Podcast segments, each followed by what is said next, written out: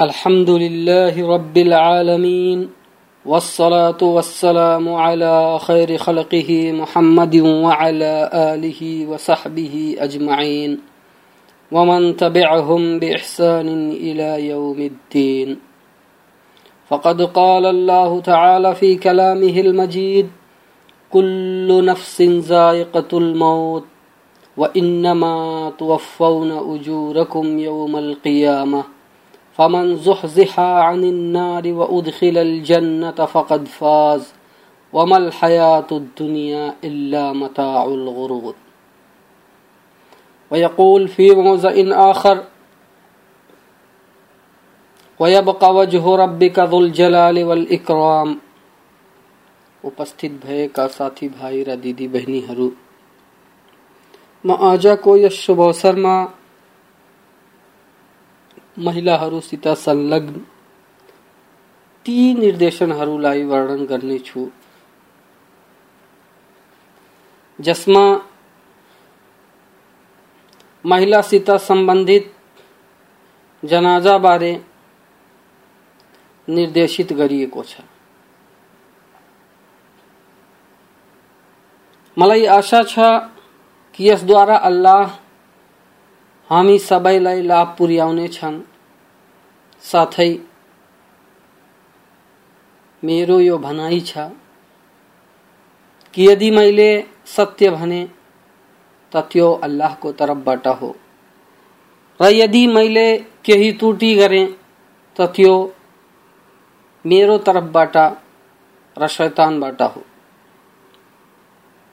अल्लाहसित बिन्ती छ कि अल्लाह हामीलाई सत्य भन्ने सुअवसर प्रदान गरून् र सत्य बमोजिम आफ्नो जीवनलाई व्यतीत गर्ने सौभाग्य प्रदान गरून्। अल्लाह भन्नुहुन्छ, कुल्लो नफ्सिन जायकतुल मौत। प्रत्येक जानले मृत्युको स्वाद चाख्नु पर्नेछ। व इन्नमा तुवफ़ौन उजूरकुम यौमल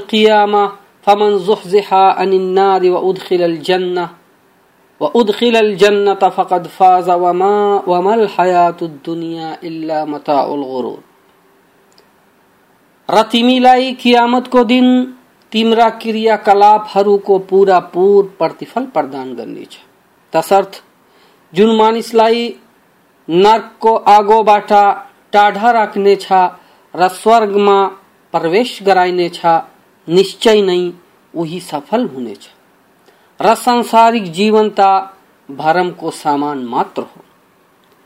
र अर्को ठाउँमा अल्लाहले भन्नु भएको छ।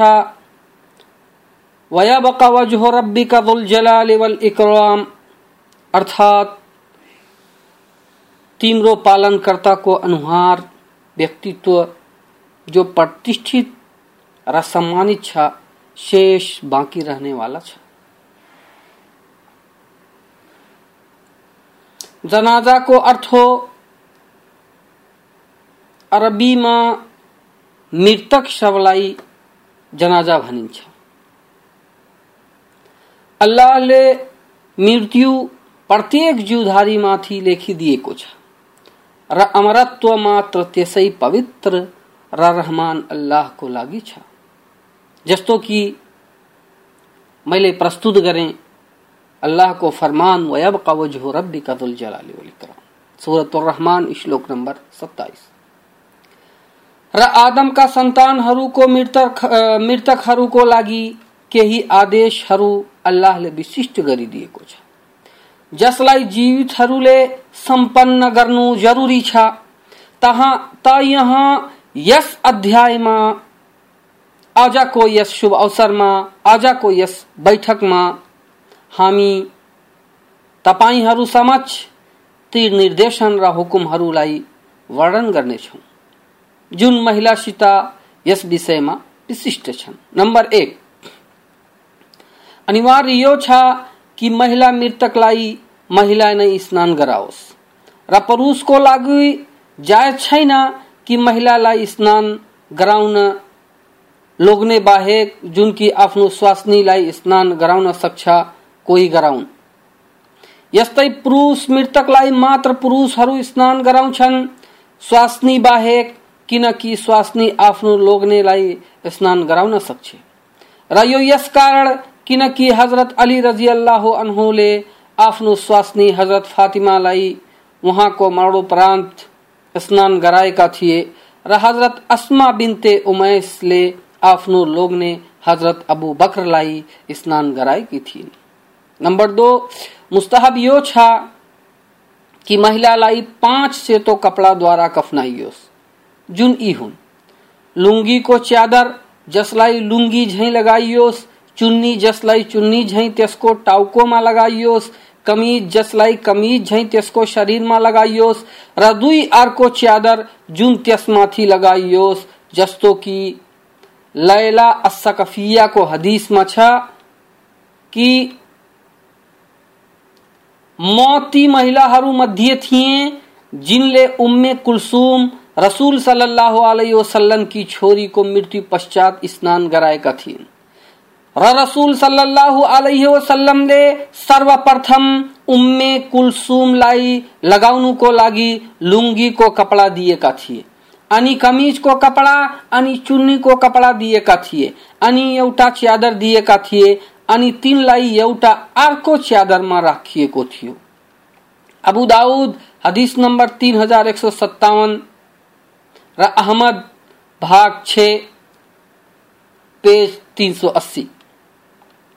इमाम शौकानी रहमाउल्लाह नैलुल अवतारमा भन्छन्, महिलाको कफनको लागि वैधानिक यो हो कि त्यसलाई लुङ्गी, कमिज, चुन्नी र दुई आरको च्यादरमा कफनाइयोस्।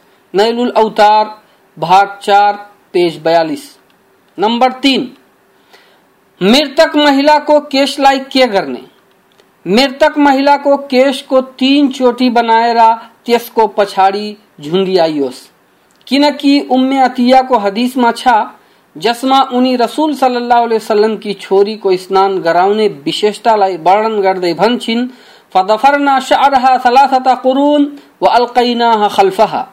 अर्थात, अनि हामीहरूले उनको केशको तीन चोटी बनाएर उनको पछाडि पिट्ठू तरफ़ झुन्डियाइदियौं। बुखारी हदीस नंबर 1204 र मुस्लिम हदीस नंबर नौ सौ उनहत्तर। नंबर चार महिलाले जनाजाको साथ जानुको हुकुम। उम्मे अतिया को वर्णन छ कि नुहैन अन इत्तिबा इल जनाइज वलम युजम अलैना। हामी महिलाहरूलाई जनाजाको साथ जानुबाट रोकियो। र हामीहरूलाई यस्तो गर्नुको अनुमति दिइएन बुखारी हदिस सौ उन्नाइस मुस्लिम हदीस नंबर नौ सौ अडतिस। र अबुदाउद हदिस नम्बर एकतिस सौ आदि। हदिसको जाहेरी अर्थबाट यस्तो गर्नुको अवैधता प्रष्ट हुन्छ। र शैखुल इस्लाम इब्ने तैमिया को मजमू फतावा को भाग 24 पेज 355 में यस बारे में भनाई छ कि उम्मे अतिया को भनाई ले यो तात्पर्य पनि निस्कन छ कि उनको दृष्टिमा जनाजाको साथ जानुबाट मनाही गर्नुको उद्देश्य त्यसलाई हराम गर्नु होइन। तर प्रमाण रसूल सल्लल्लाहु अलैहि वसल्लमको फरमानमा छ, न कि कसैको गुमान र शंका संदेहमा वा दृष्टिमा नंबर पाँच, महिला को लागी कब्रस्तान को जियारत को अवैधता। अबू हुरैरा रज़ी अल्लाह अनहु को वर्णन छा कि अन्न रसूलुल्लाह सल्लल्लाहु अलैहि वसल्लम लअना जुवरातिल कबूर। रसूल सल्लल्लाहु अलैहि वसल्लम ले कब्रस्तान को जियारत गर्ने महिलाहरूलाई धिक्कृत गरेका छन्। तिर्मिजी हदीस नम्बर एक हज़ार छप्पन। र इब्ने माजा हदीस नम्बर पंद्रह सौ छिहत्तर।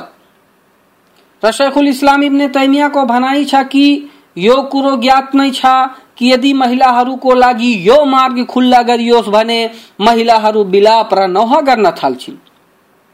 आफ्नो यस प्राकृतिक कमज़ोरी र असन्तोष र अधैर्यताको कारण अनि त्यसको विलाप गर्नुले मृतकलाई कष्ट पुग्नेछ र मानिसहरू त्यसको आवाज़ र दर्पणले बिगार तर्फ लाग्नेछन् जस्तो कि एउटा अर्को हदिसमा वर्णन छ कि रसूल अलैहि वसल्लमले भन्नुभयो, तिमी महिलाहरू जीवितहरूलाई बिगाड तरफ़ आकर्षित गर्ने वाली र मृतकहरूलाई कष्ट पुर्याउने वाली हौ।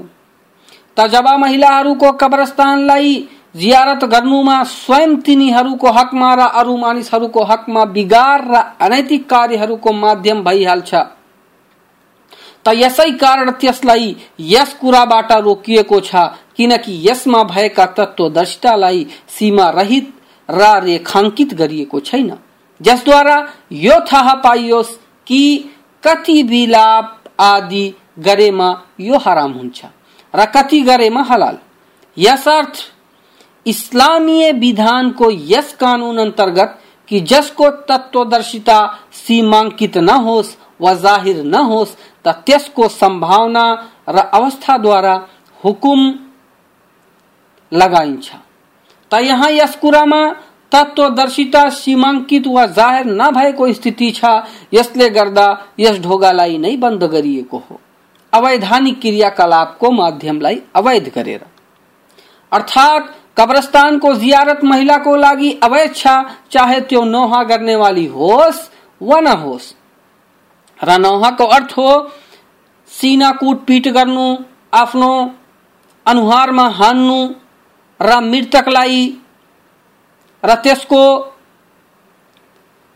विशेषतालाई वर्णन गर्दै ठुलो स्वरमा विलाप गर्नु। र नह गर्नुबाट यस कारण मनाही गरिएको छ किनकि महिलाबाट नौहा गर्नुको सम्भावना बाँकी नै रहन्छ जसरी कि गोप्य सिंगार तरफ़ दृष्टि हाल्नु हराम गरिएको छ त्यसद्वारा उपद्रवको उत्पात हुने भएले यस्तै अपरिचित महिलासँग एकान्तमा जानुलाई हराम गरिएको छ विचार आदिको भएले यस्तै महिलालाई कब्रस्तानको जियारतबाट रोकिएको छ उपद्रव र अवैधानिक कुराको उत्पादको भएले र दोस्रो कुरो के छ भने, महिलाले कब्रस्तानको जियारत गर्नुमा कुनै तत्वदर्शिता र लाभ छैन। जुन उपरोक्तमा वर्णित अवैध कुराहरूको तुलनामा अधिक लाभदायक होस्। बरु त्यो त्यहाँ गएर मात्र दुवा गर्न सक्छ र यो कार्य त्यो घरमा बसेर पनि गर्न सक्छ। मजमु फतावा र शेख इस्लाम इब्ने तैमिया भाग चौबीस पेज तीन सौ पचपन, तीन सौ छप्पन। नंबर छ नौहा गर्नुको अवैधता। नौहाको अर्थ, मैले पहिला नै वर्णन गरेँ कि कुनै मान्छेको मृत्यु भए पश्चात विलाप मृतक को विशेषता गन्ती गराउँदै स्वरलाई उच्च पार्नु र छाती पिट्नु वा छाती निकटको कपडालाई च्यात्नु अनुहारलाई घाइते गर्नु वा त्यसमाथि चमाट हान्नु वा आफूमाथि धिक्कार पठाउनु आदि र यी समस्त क्रियाकलापहरू अल्लाहले निर्धारित गरेको भाग्यमाथि अविश्वासी भएर त्यसमाथि टिप्पणी गर्नुलाई बोध गर्छ र यस विपत्तिमाथि असन्तुष्टि जताउनुलाई बोध गर्छ त यस्तो गर्नु महापाप हो किनकि बुखारी मुस्लिमको हदिसमा छ कि रसुल सल्लाह अलैहि वसल्लमले भन्नुभयो हामी मुसलमानहरू मध्येबाट त्यो होइन, जुन गालमा हानोस् र कपडालाई छाती निकट भएको कपडालाई च्यातोस् र अनभिज्ञ कालका दावीहरूको वकालत गरोस्। बुखारी हदीस नंबर 1232 मुस्लिम हदीस नंबर 903 र अर्को हदीसमा छ कि रसूल सल्लल्लाहु अलैहि वसल्लमले निष्परता जनाएका छन्। ती महिलाहरूबाट जुन विपत्तिको समय ठूलो स्वरले विलाप गरोस् वा आफ्नो टाउको खौराओस् वा आफ्नो छाती निकटको कपडा च्यातोस्। मुस्लिम हदीस नंबर 104 नेसाई हदीस नंबर अठारह सौ सड़सठ, अबू दाऊद हदीस नंबर इकतीस सौ तीस, इब्ने माजा हदीस नंबर पंद्रह सौ छियासी। अर्को हदीस में छ अन नबी सल्लल्लाहु अलैहि वसल्लम अनन्नायहता वल मुस्तमिआ नबी सल्लल्लाहु अलैहि वसल्लम ले नौहा गर्ने वाली र नौहालाई सुन्ने वाली दुबई माथि धिक्कार पठाएका छन् अबू दाऊद हदीस नंबर 3128 अहमद भाग तीन पेज पैसठ तहे मुसलमान महिलाहरू विपत्तिको समयमा यस्ता समस्त अवैध र हराम कार्यहरूबाट बाँच र तिम्रो लागि त्यसमाथि सन्तोष गर्नु र अल्लाहसित त्यसको राम्रो प्रतिफलको आशा राख्नु नै उचित छ, ताकि यो अवतरित भएको विपत्ति तिम्रो पापहरूलाई नष्ट गर्ने र पुण्यमा अभिवृद्धि गर्ने माध्यम भइहालोस्। अल्लाहको भनाइ छ, वलनब्लुवन्नकुम बिशैइन मिनल खौफि वलजूइ वनक्सिम मिनल अमवालि वलअनफुसि वस्समरात वबश्शिरिस साबिरीन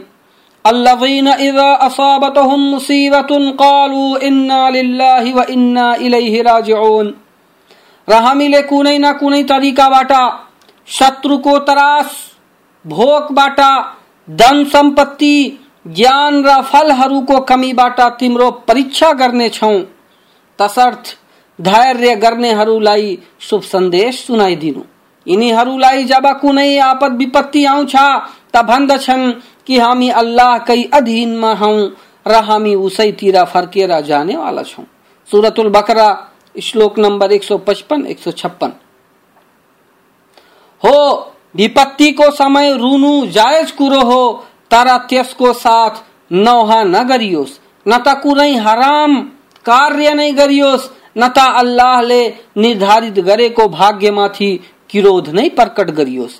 किनकि मात्र रुनु र बिना स्वरलाई उच्च गरी विलाप गर्नु मृतकको लागि लाभदायक छ। र हृदयलाई पनि कोमलता प्रदान गर्छ। र रुनु यस्तो प्रकृतिक कुरो हो जसलाई कोही रोक्न सक्दैन। यसै कारण रुनुलाई जायज़ गरिएको छ र कदाचित मात्र रुनु उत्तम र मुस्तहब कार्यहरू मध्येको पनि हो। र अल्लाह नै यसबारे अधिक ज्ञानी छ।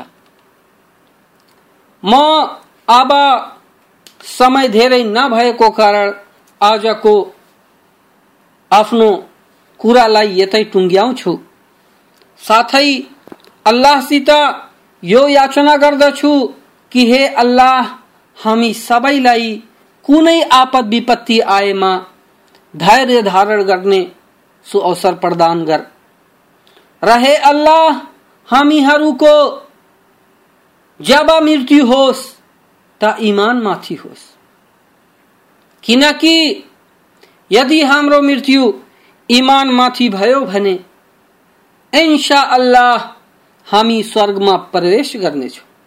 तर यदि हाम्रो मृत्यु इमान माथि भएन भने, हामी अवश्य नै नर्कमा हाल्नेछौँ।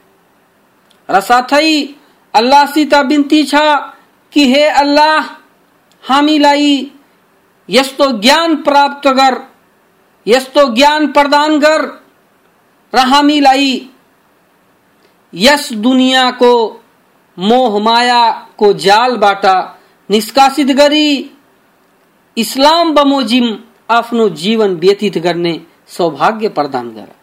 हे अल्लाह, हामीहरूलाई यो विचार गर्ने सुअवसर प्रदान गर। हामीलाई यो बुद्धि प्रदान गर हामीलाई यो विवेक प्रदान गर कि हामी यो बुझ्न सकौं कि यो संसारिक जीवन मात्र खेल तमाशा हो। यसमा हामीलाई मात्र अल्लाहले आफ्नो पूजाको लागि पठाएका छन्, जस्तो कि अल्लाहको फरमान छ, वमा खलक्तुल जिन्न वल इन्सा इल्ला लियाबुदुन।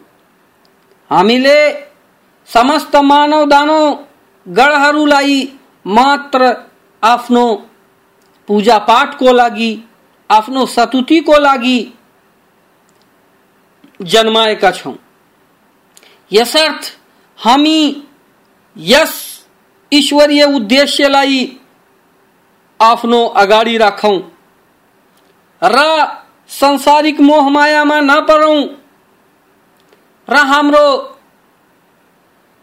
दिदी बहिनीहरूलाई मेरो यो उपदेश छ कि विशेष रूपले उनीहरू यो मिडिया जो आज इस्लाम विरोधी गतिविधिहरू सबै सम्मुख प्रसारण गर्छ। तिनीहरूको जालमा नपरुन्।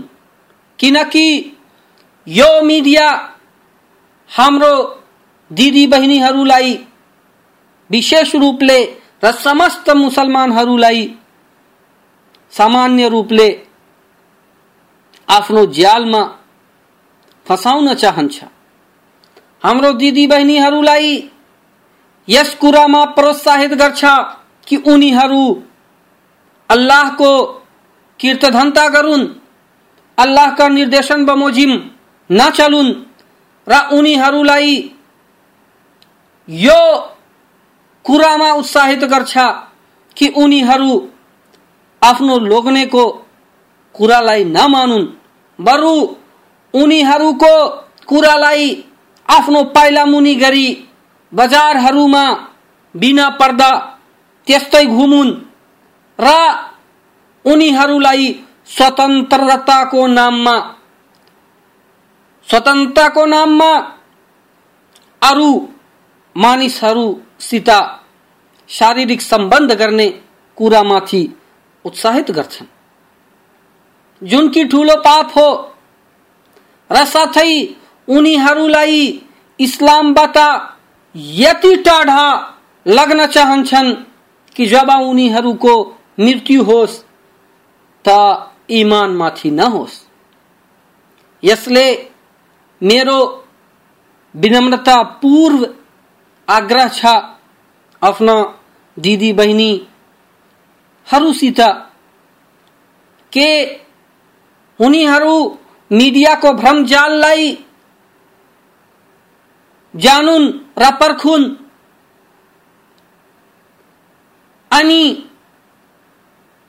त्यसमा नपरिकन इस्लामका निर्देशनहरू बमोजिम, कार्य गरून्। र यदि उनीहरूको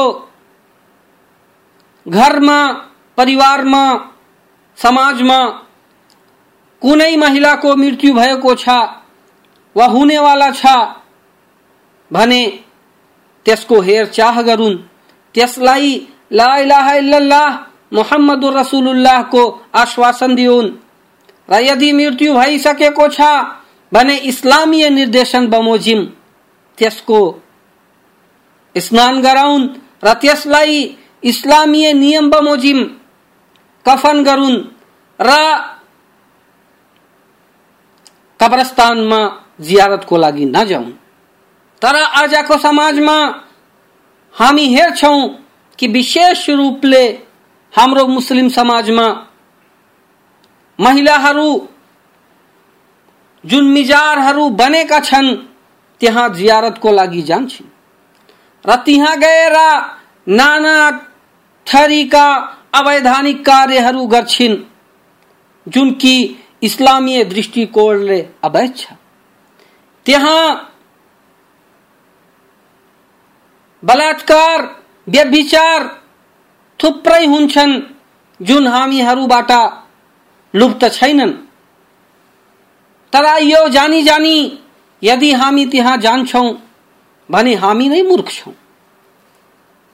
त मेरो यो अनुरोध छ कि वर्तमान कालमा जुन यी सबै अवैधानिक क्रियाकलापहरू गरिन्छ, त्यसलाई छाडेर मात्र इस्लामीय निर्देशन बमोजिम आफ्नो जीवन व्यतीत गर्नुमा नै हाम्रो हित छ र हामी इस्लामीय निर्देशन बमोजिम नै जीवन व्यतीत गरेला स्वर्ग प्राप्ति गर्न सक्छौँ। र सुख शान्तिको जीवन व्यतीत गर्न सक्छौँ। अल्लाहसित बिन्ती छ कि अल्लाह हामी सबैलाई इस्लामको सत्य ज्ञान प्रदान गरून् र त्यसै बमोजिम कार्यरत रहने सुअवसर प्रदान गरून् आमीन। दावाना अनिल हमदुलिल्लाहि रब्बिल आलमीन।